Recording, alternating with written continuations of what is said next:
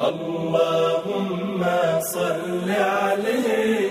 أدلة وجوب محبة الرسول صلى الله عليه وسلم من الكتاب والسنة.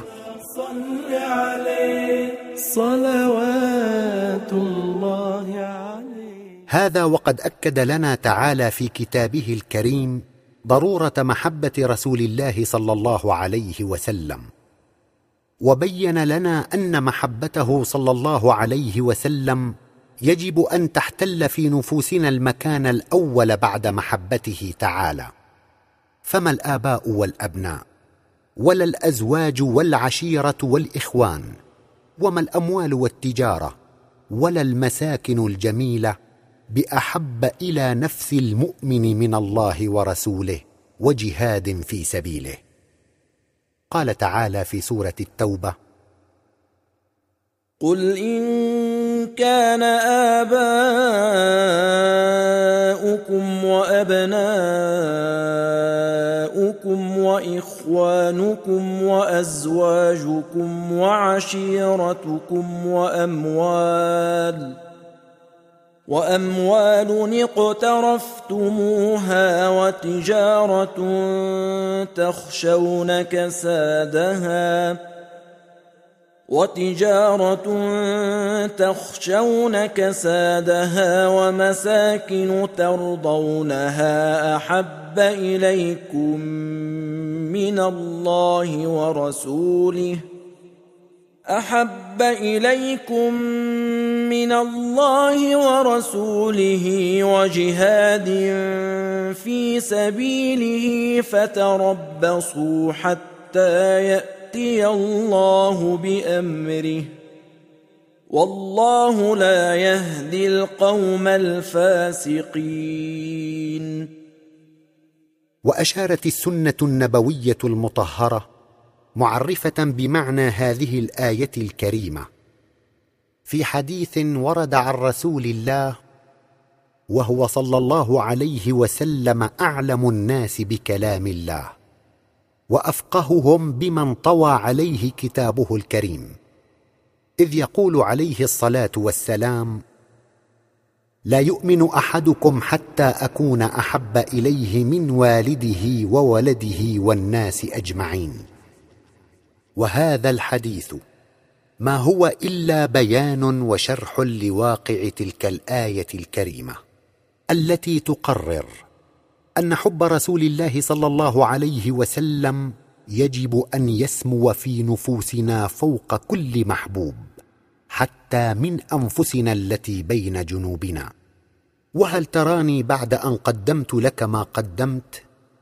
هل تراني مغاليا إذا أنا أكدت ضرورة محبة رسول الله صلى الله عليه وسلم؟ وقررت أن رابطة المحبة بين النفس المؤمنة وبين نفس رسول الله الزكية الطاهرة فرض لازم وضرورة بالغة؟ وإذا كان كثير من الناس في عصرنا قد غفلوا عن هذه الناحية الهامة وبذلك بعدوا عن حضرة الله. فأصبحوا لا يجدون للصلاة طعما ولا للإيمان حلاوة ولا للعبادة معنى. أفلا يجب علينا أن نعرفهم بهذا ونرشدهم إليه؟ هل من الأمانة أن نسكت عن هذا العلم الشريف السامي؟ ورسول الله صلى الله عليه وسلم يقول من كتم علما عن أهله ألجم يوم القيامة لجاما من نار. فيجب علينا أن نبين للناس أن طعم الإيمان وأن حلاوة الإيمان لا يمكن أن يجدها الإنسان إلا إذا كان محبا لرسول الله صلى الله عليه وسلم. فقد قال رسول الله صلى الله عليه وسلم ثلاث من كن فيه وجد حلاوة الإيمان. أن يكون الله ورسوله أحب إليه مما سواهما. وأن يحب المرء لا يحبه إلا لله وأن يكره أن يعود في الكفر بعد إذ أنقذه الله منه كما يكره أن يلقى في النار.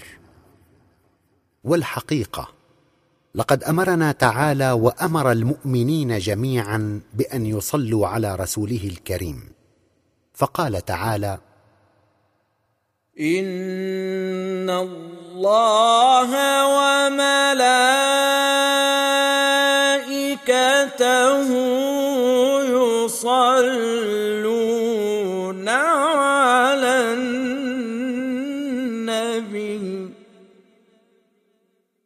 يا ايها الذين امنوا صلوا عليه وسلموا تسليما.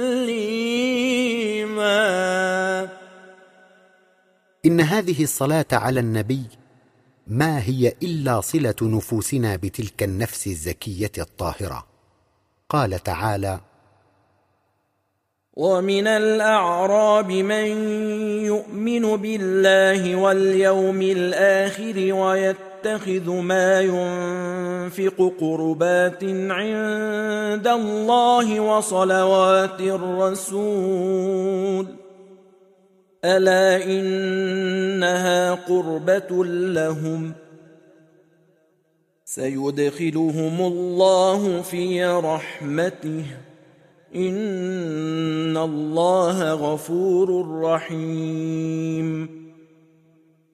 وكلمة صلوات الرسول تعني أن هذه الصلات النفسية بنفس رسول الله هي قربة عند الله.